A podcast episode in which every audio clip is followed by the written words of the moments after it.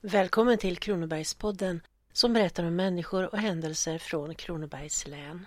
Det här avsnittet tillägnas en person som skulle ha fyllt 100 år i år och vars livsgärning har glatt många som har sökt information om en gången tid i Växjö. Jag avser Isa Tornell som med sina 17 böcker om det gamla Växjö är den allra flitigaste sammanställaren av stadens förvandling under de senaste hundra åren. Hon tillhör skaran av lokalhistoriker från Växjö som med allra störst engagemang och produktivitet har skildrat sin stads historia i ord och bild. Övriga som är väl värda att nämna är Nils Hyltén Cavallius, Theodor Kronqvist och Lars-Olof Larsson. De berättar alla om en stad ur ett historiskt perspektiv som har genomgått en förändring. Från att ha varit en liten idyllisk hantverksstad med trähus och innergårdar och borgarfastigheter i skön harmoni är Växjö idag en kraftigt expanderande centralort där stora ingrepp har ägt rum i stadsmiljön. Det mesta av det gamla är borta och de flesta kvarter har bytt ansikte totalt. Kvar är egentligen bara enstaka byggnader och korta gatstumpar som ännu förmedlar atmosfären av en svunnen tid. Isa Tornell föddes 1920 på Västergatan 9, bodde i Växjö under hela sitt liv och kände sin stad väl med alla dess gator, stadsdelar, butiker och färgstarka personligheter. Både hennes mor och farföräldrar var infödda Växjöbor. Själv växte hon upp vid nuvarande Teatertorget som tidigare haft så många skilda namn som Buet, Busstorget, Vedtorget, Trätorget och Oxtorget. Pappa Hilmer Sekundus var målare och vaktmästare och mamma Gunhild arbetade som sömmerska. Isa gifte sig 21 år gammal med kontoristen, senare kamreren Olle Tornell. De fick två barn, sonen Lars och dottern Gun, kallad Nunne. Familjen bodde på norra esplanaden. Isa var hemmafru och tog hand om barn och man. Hon kände stor kärlek till sin stad och i synnerhet klappade hennes hjärta för Båtsmansbackens gamla hus. Där hade i ett hörnhus i kvarteret Håkan Sjögren hennes morfar, skräddaren Per Adolf Jonsson, bott. Och när den stora rivningsvågen av trähus som drabbade Sverige i slutet av 1950-talet och fortsatte in på 60-talet nådde också Växjö var Isa en av dem som starkast reagerade. Hon började skriva artiklar om detta i tidningen Kronobergaren. Några år senare blev hon tillfrågad om hon inte kunde skriva en bok med tanke på allt material som hon hade genom sina artiklar.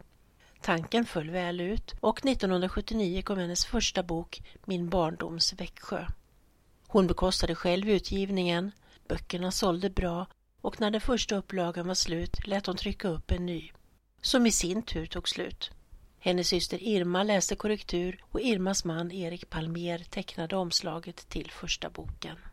Bokserien blev en stor framgång. Genom Isas minnesbilder och intervjuer, hundratals foton med namngivna personer och noggranna geografiska angivelser i utförliga bildtexter möter läsaren stadens historia och lär känna ett helt annat Växjö än det vi ser idag. Här kan vi läsa om tändsticksfabriken där Royal Corner nu ligger, den stora översvämningen 1945, pestgraven och Kungliga Kronobergs regemente. Vi får veta mer om de olika stadsdelarna, vem som har givit namn åt kvarteret Ansgarius och vad många gator kallades förr i tiden. Vi lär känna torgmamseller och lumpsamlare, bokhandlare, idrottsmän och många fler. Och berättelser om hur man levde visar att tiderna onekligen har förändrats. Detaljhandeln inne i staden var både rik och utbredd. Bryggarvagnen rullade fram över kullerstenarna dragen av häst. Barnen spelade kula eller hoppade hage och på alla gårdar syntes travar med uppstaplad ved. Mycket av det som återges i Isa Tornells böcker är idyll, även om hon också berättar om ett hårt liv med både armod och misär. Men i synnerhet barndomens idylliska miljö stannade kvar inom henne och återkommer här och var i böckerna. När hon var barn hade hennes familj en sommarstuga i Evedal och hon beskrev den lycka hon kände när de reste dit och hela sommarens frihet med bad och lek och grönskande skog in på knuten väntade.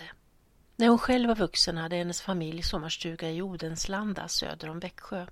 Då sommaradopterade de en get från bondgården bredvid och Isas barnbarn fick hjälpa till med att ta hand om den och mata den med vad de ville och när barnen skulle somna sjöng deras farmor en visa för dem om en gul fågel. Det var en kyckling som hette Gullefjun. Hon skulle ge sig ut på promenad. Och solen lyste och gräset lockade. Och hela världen var så hjärtans glad. Det fanns ett hål ute i hönsgårdsnät därigenom trippade med lätta fjät. Den lilla gullefjun med mjuka silkesdun och alla hönsen sa kaka, kaka. Vid sidan av det skrivande och dokumenterande som hon hade påbörjat och där inte minst insamlandet av foton spelade en stor roll föreläste Isa om Växjö på föreningsmöten och offentliga sammankomster. Hennes övriga intressen avslöjade en kreativ och konstnärlig personlighet. Hon ville göra det vackert omkring sig. Blommor, syrenbuskar och vita bänkar var attribut för denna skönhetslängtan och hon målade tavlor, spelade piano och sjöng. Musiken var viktig hemma hos familjen Tornell eftersom hennes man ingick i den populära kabarétrion Sjungande smålänningar. De övriga medlemmarna var Henning Hult och Harald Hellgren. Denna trio bildades redan år 1936 och turnerade därefter i många av Sveriges folkparker under närmare 20 års tid.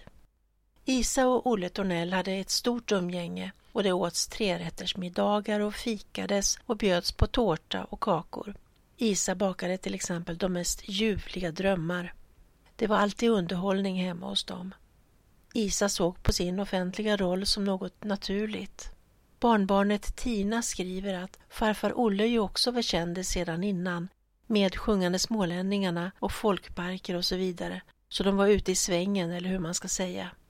Tina minns att när hon och hennes systrar var på besök hos farmor så skulle de gå på konditori. Flickorna tyckte det var jobbigt när så många hela tiden skulle prata med farmor. Och så klappade de bekanta flickorna på huvudet.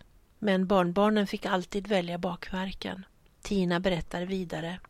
Farmor var väldigt rolig och hängde på mig, mina systrar och även faster Nunne när vi skojade och hade oss på jularna. Hon var ju ensam under cirka tio år efter Olles död. Så då åkte hon upp till oss i Stockholm. Fastän hon tillhörde en helt annan generation med sin hatt, kappa och sjal så var hon alltid med på skeden på näsan-tricket. Hon uppskattade alla olika tomtar som vi klädde ut oss till till exempel körde vi grönkålstomten då vi tejpade fast grönkål som skägg, hår och ögonbryn. Och när jag i vuxen ålder var nere i Växjö och höll utbildning för återförsäljare så hälsade jag på farmor. Då fick man såklart tre rätters middag.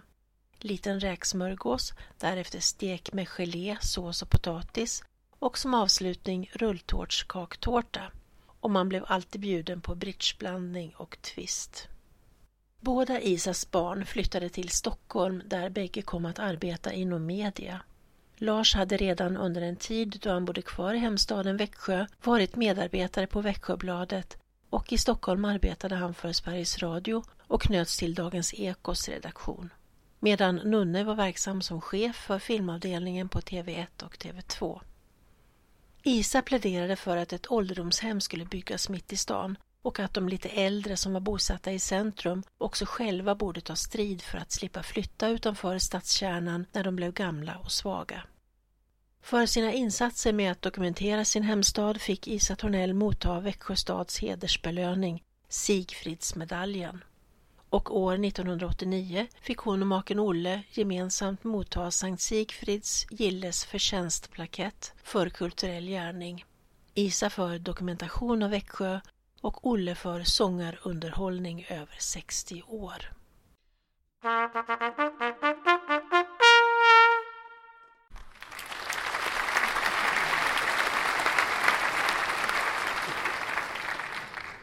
Jag intervjuar Åke Svensson, mångårig journalist på Smålandsposten som skrev åtskilliga artiklar om Isa Tornell och träffade henne i många olika sammanhang.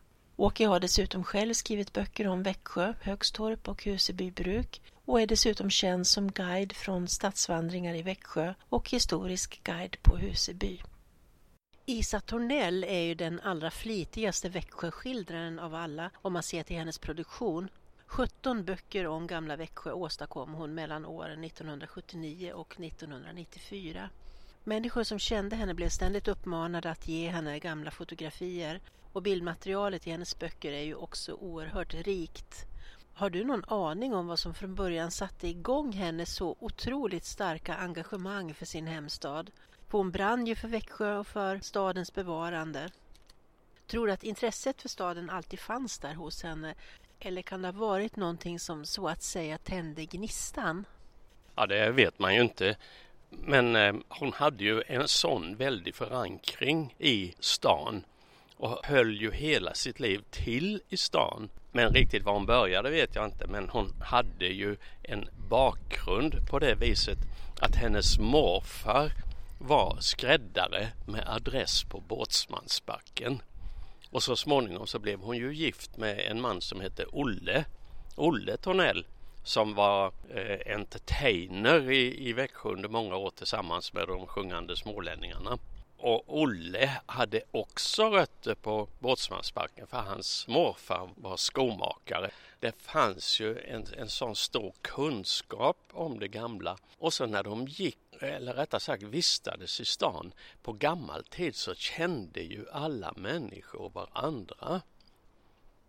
Så att eh, Isa kanske befann sig mitt i centrum där av, ja, som spindeln i nätet när det gällde kunskap och information om människor.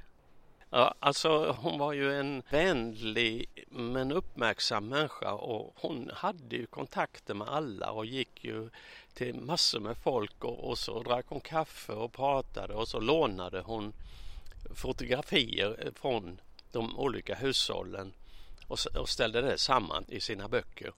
Och det har ju blivit ett väldigt rikt bildmaterial som man eh, har glädje av tack vare det att att du, Ella, har gjort det här indexet som gör att man kan hitta grejer.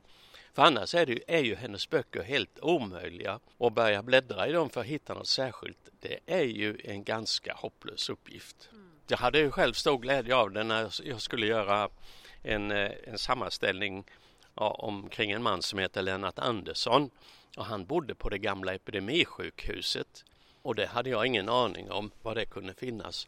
Men tack vare ditt index så hittade jag ju att det, gamla epidemisjukhuset låg högt upp i backen på Bäckgatan. Och det var Bäckgatan 23 på sin tid. Mm. Och det var tack vare registret som jag hittade det. Isa Tornelsen, hon förekom ju ofta i intervjuer i media ifall det var någonting särskilt som hade hänt. Och den allmänna meningen tycks ha varit att hon var en självklar expert vad gäller staden Växjö på vilka som hade bott var, när det och det huset byggdes och så vidare. Men var hon också en kännare av staden när det gällde äldre tider och historia? Nej, alltså Isa var ju en, en sorts journalist på sitt sätt. För hon hade kunskap om aktuell situation. Men när man läser Isas böcker så går hon ju aldrig på djupet. Hon försöker ju inte att, komma till botten med saker utan talar om att här bodde den och den och huset det revs eh, ett visst årtal. Men mycket mer blir det ju aldrig i hennes texter. Vad man kan göra är ju att använda det som ingång till att göra egna efterforskningar. Och sen är det ju så med Isa att hon litade ju på det som hennes vänner och bekanta i stan sa. Och då vet vi ju det att minnet är ju en väldigt dålig vän. Så att vad folk sa det tog hon för gott den som börjar granska hittar ju att det inte är allt som är riktigt korrekt och sådär. Men, men det gör inte så mycket för man får ju själv gå till källor och hitta hur det verkligen såg ut. Mm. Och bildmaterialet med alla kommentarer till det är ju ändå ovärderligt. Ja, alltså bildsamlingen är ju alldeles kolossal och som du säger ovärderlig. Sen kan jag tycka, som tycker själv det är roligt med fotografier och bilder, att de kunde gott ha varit lite mer kritisk ibland och inte tagit med precis allting. Men sen var hon ju rolig, för hon hade ju ändå ett eget bildseende. För på äldre dag så började hon ju att måla sina gamla Växjömiljöer. Och det är ju avbildningar som är så pass goda så att man kan få en föreställning om hur det verkligen var. Mm. Och eh, vissa målningar, då utgick hon ju ifrån fotografier. Så i till exempel boken om Båtsmansbacken Där kan man ju se dels fotografi, hur det ser ut idag och sen har hon målat Mm. hur det såg ut då så att man får en uppfattning om hur tiden har farit fram där. Ja, visst.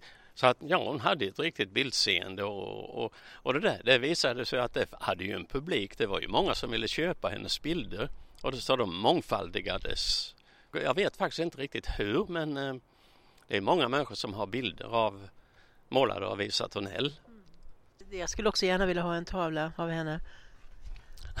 Jaha, ja men de går säkert att komma över på antikvariat auktionskammare och sådana ställen. Det är jag övertygad om. Eh, innan hon började skriva böcker publicerade hon under flera år texter i artikelform om Växjö i tidningen Kronobergaren. Eh, kände du som journalist att hon liksom tillhörde ert skrå? Hur såg man på Isa Tornell från journalisthåll? Var hon respekterad? Hon var ju en egen fågel som gjorde sina egna saker och, och skrev ju krönikor i, i Kronobergaren. Hon kom ju även till Smålandsposten på slutet och, gjorde, och skrev en del artiklar. Men hur vi journalister såg på henne det kan jag inte precis minnas. Vi noterade att hon fanns där och sedan, inte minst jag själv, använde ju henne som källa vid eh, i intervjuer. Jag frågade henne och intervjuade henne om hennes synpunkter på saker och ting. Det gjorde jag vid ett par tillfällen. Men hur vi såg på henne, vi räknade inte in henne i vår skrå, det gjorde vi inte. Nej, ni kanske inte jobbade tillsammans på det sättet heller. Nej, det är klart vi jobbade inte alls tillsammans. Hon kom ju med färdiga artiklar och lämnade till tidningarna. Och det var ju någon redaktör som tog hand om det så att vi som var ute på fältet vi hade inget sånt med henne att göra helt enkelt. Men däremot så kunde vi ju ha glädje av att intervjua henne. Och jag minns en eh, stor intervju jag gjorde med Isa en gång. Och den handlade om att hon tyckte det var så sorgligt att bostäderna i centrum försvann. För det fanns ju en tid när allting skulle kontoriseras och lägenheterna tömdes och våningsplanen röjdes och, gjorde, och så inrättades det kontor. Och Isa sa i den här ganska stora intervjun att de måste tänka om i stan och se till så att det kommer in bostäder i centrum igen. Och det, på det planet fick hon ju faktiskt rätt. För nu har det ju kommit till massor med nya bostäder i centrum. Sen skulle hon säkert sörja väldigt mycket för att all detaljhandel har försvunnit ur centrumet. Och Isa hade säkert inte kunnat föreställa sig att bilismen skulle bli en sån dominant faktor i all samhällsplanering. Och inte minst i stadsplanering för att eh, det, det, är ju bilismen som har drivit fram förändringar med sådana saker som gågata och parkeringshus och allt detta. Du säger att hon var en vänlig person. Hon måste ju ha lagt ner väldigt mycket tid på att prata med människor för att få förtroendet och för att få all den kunskap som hon efterfrågar och så. Hon måste ha lagt ner väldigt mycket tid. Ja, det är klart. Men hon hade ju heller ingen brådska. Isa var Isa och när man mötte henne på stan så var det ju alltid en proper dam som kom. Hon hade ju alltid klänning på sig och på sommaren så hade hon kanske en liten vit jacka och eventuellt så hade hon också en vit hatt på sig på sommaren. Hon var ju, som jag minns henne, så var hon ju urtypen för den svenska tanten. Och sen gick hon till sina vänner och jag antar att de drack kaffe och satt och pratade och, och Isa noterade och så lånade hon deras fotografier och ställde samman detta. Hon eh, la ju väldigt mycket intresse. Riktigt hur hon bar sig åt med det tekniska vet jag inte men hon måste ju haft hjälp av tryckerier och så vidare för att få ihop det. Eh, Och du var den som skrev minnesrunan över henne i Smålandsposten vid hennes bortgång 2001. Har du några särskilda personliga minnen av henne? Ja, alltså det hon så många gånger återkom till det var ju hur i hennes barndom när barnen samlades borta på Storgatan där järnvägen korsade Storgatan och så köpte de 25-årsbiljetter och åkte till Everdal med tåget för att bada och stanna ute i Everdal hela dagen och så åka hem igen på kvällen. Och detta återkom ju Isa till som den stora romantiska barndomsbilden är när barnen åkte till Everdal för att bada. Var det hennes bild av det Växjö-idyllen på sommaren kanske? Ja, det, det, tycker jag nog att man ska kunna säga. Men hon hade ju minne av eh, ja, alla dessa gamla människor. Till exempel så ägnade hon sig vid ett tillfälle, vet jag, åt Everts Arnessons pappa som hade varit tändsticksarbetare. Han finns ju omnämnd i någon av böckerna och, och, och hon kanske skrev en artikel om honom också. Det är nära på tror jag. Jo, han är ju med där som eh, bakgrundsfigur i Bakhängbjörkens slöja. Ja, just det. Men, men Isa har gjort någonting om honom också. Mm. Och, och, och, jag tror det finns foton på honom också i någon av böckerna. Men man får gå till ditt index så hittar man det. Så kan man slå upp saken. Eh, vi skulle behöva en Isa Tornell ännu idag. Ja, det är ju ett intressant påstående. Men eh, Växjö är ju inte en så pass inkrökt stad som det var förr i världen. Då kände Växjöborna varandra och var ju kanske ganska inåtvända. Om man säger längre tillbaka, längre tillbaka i tiden så ja, det fanns ju ett annat socialt umgänge. Man gick på Folkets hus och dansade eller man gick till Folkets park och dansade. Och ännu längre tillbaka så samlades man vid järnvägsstationen och tittade på tågen eh, ingång och avgång. Men det där det försvann ju, ska vi säga, i slutet på 50-talet så började ju sånt att försvinna och när 60-talet kom så blev ju Växjö en ny stad. Mm. Det var ju då den stora rivningsvågen gick fram också. Ja visst, och det var ju detta Israel la märke till att alla bostäderna i, i stan försvann och att folk började bo utanför i olika hyreshusområden och i, i nya villaområden. Och det var ju det som hon sörjde så för att folk försvann ifrån centrum. Men förr i världen när folk gick på torget och handlade så var det ju så att kanske en väldigt stor andel av dem som var där kände varandra. Eller i varje fall kände igen varandra. Den bilden har ju sen totalt utraderats i Växjö som i alla andra mindre städer. Jo, det är väl bara att konstatera att det är en epok som har gått i graven. Jo visst, det är klart den har det. Numera är det ingen människa som går och tittar på tåget för att se vem som kommer med. Men det kunde man göra den gången. Det, det berättar ju Isa om i någonstans att man gick eh, man tog och som hon säger strögade Kungsgatan ner och så gick man till stationen för att titta på tåget och man hade ju klart för sig vilka tider tågen kom. Och det var ju, ja då träffades man ju där givetvis också. Var hon en lokal kändis? Isa var ju alla tiders superkändis, det är klart. Hon, hon pratade med alla och hon framförde ju också sina synpunkter till alla just om detta med att ta tillbaka folk till stan och ha bostäder i centrum. Och alla kände ju igen Isa så visst var hon en kändis. Av allra högsta klass, det måste man säga. Ja, det var några Isa Tornell-minnen. Tack så jättemycket Åke Svensson. Ja, varsågod. Och från Åke som minns Isa Tornell utifrån ett skrivande perspektiv vänder jag mig till Håkan Nordmark som är historiker och likaså lokalguide och kännare av staden Växjö för att få ytterligare en belysning av vår jubilar. Jag ställer samma frågor till honom och börjar med att fråga vad han tror det var som väckte Isas intresse för att berätta för allmänheten om sin stad.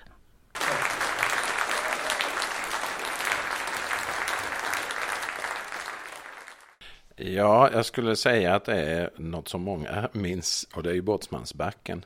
Alltså när den revs, det nuvarande Båtsmanstorget ligger. Hon har ju bott i närheten där också om jag kommer ihåg rätt nu. Och när den här då, många kallar det idyllen, en del kallar det ett kloakhål mer eller mindre. Men det blir beslut helt enkelt om att det ska rivas och saneras. Och det sker sent 1950-tal, 57-58 tror jag det man river hela alltet och spränger bort kubikmassor, eh, alltså med sten, med granit. Och det syns ju fortfarande de här. Och jag tror att det är den, eh, om man ska säga enstaka händelse, men om man ser det lite mer generellt så är det ju förändringen som Växjö genomgår som stad rent utseendemässigt från, ja, vi kan säga efter andra världskriget och så fram in på 70 och 80-talen fortsätter ju detta. Så du tror att hon helt enkelt kan ha blivit förbannad över den här rivningen och att det satte igång hennes, eller fördjupade hennes intresse för, för staden? Ja, att hon, hon reagerade på det på något sätt. Om hon blev förbannad, det blev man ju inte på den tiden. Det fanns ju protester mot det här också, men då skriver man liksom en inlaga till stadsfullmäktige. Jag tycker ni inte skriver och så arkiveras den. Man kände ju inte fast sig i träd. Det, det var före almarna i Stockholm, almstriden på 70-talet. Och det enda liknande vi har haft i Växjö lite så vilt, det är ju när man ockuperar gamla badhuset som ju sen faktiskt blev en del av konserthuset. Men det var inte Isa Tornell med. Men jag, jag tror att det är stadens förändring. Och det, den är ju förändrad både då fysiskt men så är det ju en enorm inflyttning av människor som inte är gamla Växjöbor som inte vet när man säger den och den affären och hur staden så, såg ut helt enkelt. Och då tror jag att hon också vill bilda människor lite, alltså ett litet bildningsideal där de nyinflyttade eh, skulle kunna få se staden som den en gång var. Så hon skrev nog böckerna både för gamla Växjöbor som ville minnas och nyinflyttade som kanske var intresserade av hur staden hade sett ut. Eh, för det är ju det är omöjligt att föreställa sig det om man inte ser foton för den är ju totalförändrad i centrumstaden. Var hon också en kännare av staden när det gällde äldre tider och historia? Ja, det var hon ju inte. Hon, hon minns eh, Växjö från sin egen uppväxt kan man säga. Hon går ju inte in i några djupare studier och går inte titta i kyrkböcker vem som borde vara och så, utan hon går ju på minnen eh, väldigt, väldigt mycket. Och då är man ju liksom en, en minnesgod människa som var ju expert på det som hon mindes, men stadsdelar där hon inte hade rört sig så mycket. Där litar hon ju alltid till någon hon känner och de sätter sig kanske och pratar kring ett gammalt foto. Det kan man ju se i böckerna. Hon skriver ju till mig ibland att jag var på kafferep hos den och den och vi tog fram gamla bilder.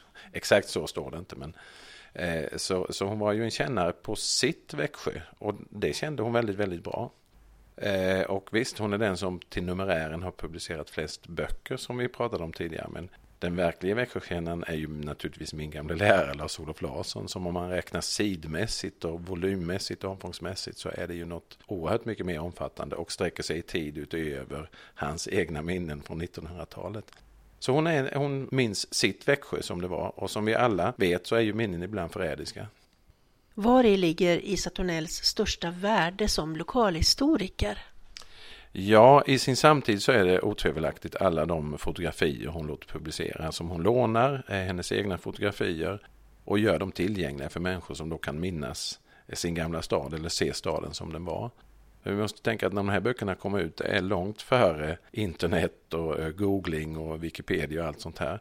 Och enda sättet att få tag i bilder då var ju liksom att ha dem fysiskt. Men det hon gör i stora stycken då är ju att hon publicerar. Det är ju ibland 20-30 sidor med två bilder på varje och så bara en bildtext. Egentligen ingen berättelse utan här ser vi det huset, här är det det huset, här står de människorna. Så man kan ju använda dem som ett slags eh, katalog eller att leta bilder hur gamla Växjö såg ut. Och ett värde då som jag tycker hon har, eh, det är verkligen att hon lånar ur Goda Vänners fotoalbum. Så hon har ju bakgårdar som inte normalt sett finns i officiella fotografier. Eh, kalas, alltså namnsdagskalas, sommarfester och sånt här gökortor med föreningar som hon och andra är med i. Och de är ju svåra att få tag i. Det som då är lite tråkigt är ju att hon inte säger var finns de här fotona, vem är det som äger dem? Så idag är det ju jättesvårt att kanske digitalisera dem. Då kan vi göra det utifrån hennes böcker. Men vi vet ju inte vem som äger fotot. För det har hon ju inte sagt. Men, men publiceringen av fotona är ju hennes största. Och att få igång människor att tänka och prata kring, kring bilder av hur stan har sett ut och minnas. Det, det är ju väldigt bra gjort. Issa Tornell, var hon en lokalkändis? Ja, det var hon. Eh, som, som vi pratat om tidigare. Hon uttalade sig ofta i frågor när någonting skulle ändras och rivas. Man såg henne på stan. Och hon hade inga problem att stanna människor och fråga dem och prata med dem om hon kände dem någorlunda. Satt ofta på eh, de olika eh, bokaffärerna och signerade sina böcker, inte minst när det var julrush och sånt här, när en ny bok hade kommit. Jag tror något år kom hon väl med två böcker och året därefter med en till. Så hon var ju väldigt produktiv. Eh, sen är det ju inte jättemycket text i dem som vi också, det är ju, det är ju fotona som gör det. Så visst, man visste vem hon var och sen om vi går ännu lite längre tillbaka till 50-tal så var ju hennes man också välkänd för han ingick i en sångartrio, Smålandssångarna för Smålandsradions lokalredaktion. Den låg ju här i Växjö och sköttes av museets chef Jerker Anderbjörk som hade studion på museet. Eh, vi har på museet fortfarande ett rum som vi kallar studion, fast det inte används som det. Och där var han eh, känd. Så både hon och han var ju kända i Växjö av äldre Växjöbor, kanske inte av, av de som flyttade in. Men de, de kommer att känna henne mer då för att hon publicerade de här böckerna och uttalade sig alltid, alltid ska jag inte säga, ofta när någonting förändrades. Tror du att det är många som känner till Isa Tornell idag? Ja, om vi är i rätt eh, åldersklass. Eh, jag skulle säga att de som är eh, pensionärer och äldre vet vem hon var. Det, det, skulle jag säga. För hon levde ju faktiskt in i, i vår tid, om man får uttrycka sig så. Och hon är ju en i en rad av Växjöskildrare då, och det, som skrivit just den här typen av böcker om små kvarter Jag tänkte vi kunde nämna dem också. Den första som började med sådana här små berättelser till bilder kan man säga. Det var ju Nils Hyltén Cavallius som var chef för Systembolaget här i Växjö. Och sen så då Theodor Kronqvist. Han hade visst en speciell titel, Nils Hyltén Cavallius. Ja, han brukade när han skulle skoja brukar kalla sig för Systembolags utminuteringsföreståndare. Men han var alltså chef för Systembolaget i Växjö när det låg nere på Norra Järnvägsgatan. Eh, och sen så då Theodor Kronqvist. Men de, de har ju lite olika teman i sina böcker kan man säga. Och där utmärker sig Isa Tornell för hon har mycket mer vardagsliv än, än vad de här två eh, lite äldre då har. Och just Theodor Kronqvist har ju väldigt mycket Eh, de, de, stora männen, alltså de som har blivit något i staten. Eh, sådär, som, och mycket lärdom är det ju. Alltså lärdomsskolan och eh, gossarna som gick i läroverket och vad det blev av dem och sånt i, i Theodor Kronqvists böcker. Men han gav väl i varje fall ut en sex, sju stycken tror jag. Växjö. Eh, Nils Hyttén Cavallius gav ut tre eh, som är, är väldigt bra läsvärda, verkligen. Tack också till Håkan Nordmark för en på samma sätt kunnig och intressant fördjupning kring både Isa Tornell och lokalhistoria. En sak står emellertid fast och det är att Isa Tornell långt ifrån är bortglömd. Den stad som hon så flitigt beskrev i sina böcker och artiklar har inte svikit henne. År 2013 fick stadsbussarna i Växjö namn efter kända lokala personligheter från länet, både historiska och nu levande, varvid varje buss utrustades med en namnskylt utanpå och en motsvarande kort faktatext med bild på personen i fråga uppsatt inne i bussen. Ett drygt 40-tal kända namn förekommer och ett av dem är Isa Tornell och i januari 2020 tillkännagavs i tidningspressen blivande gatunamn för Växjös nya stadsdelar Bäckaslöv och Telestadshöjden. I Bäckaslöv får gatorna namn som anknyter till det gamla regementsområdet I11.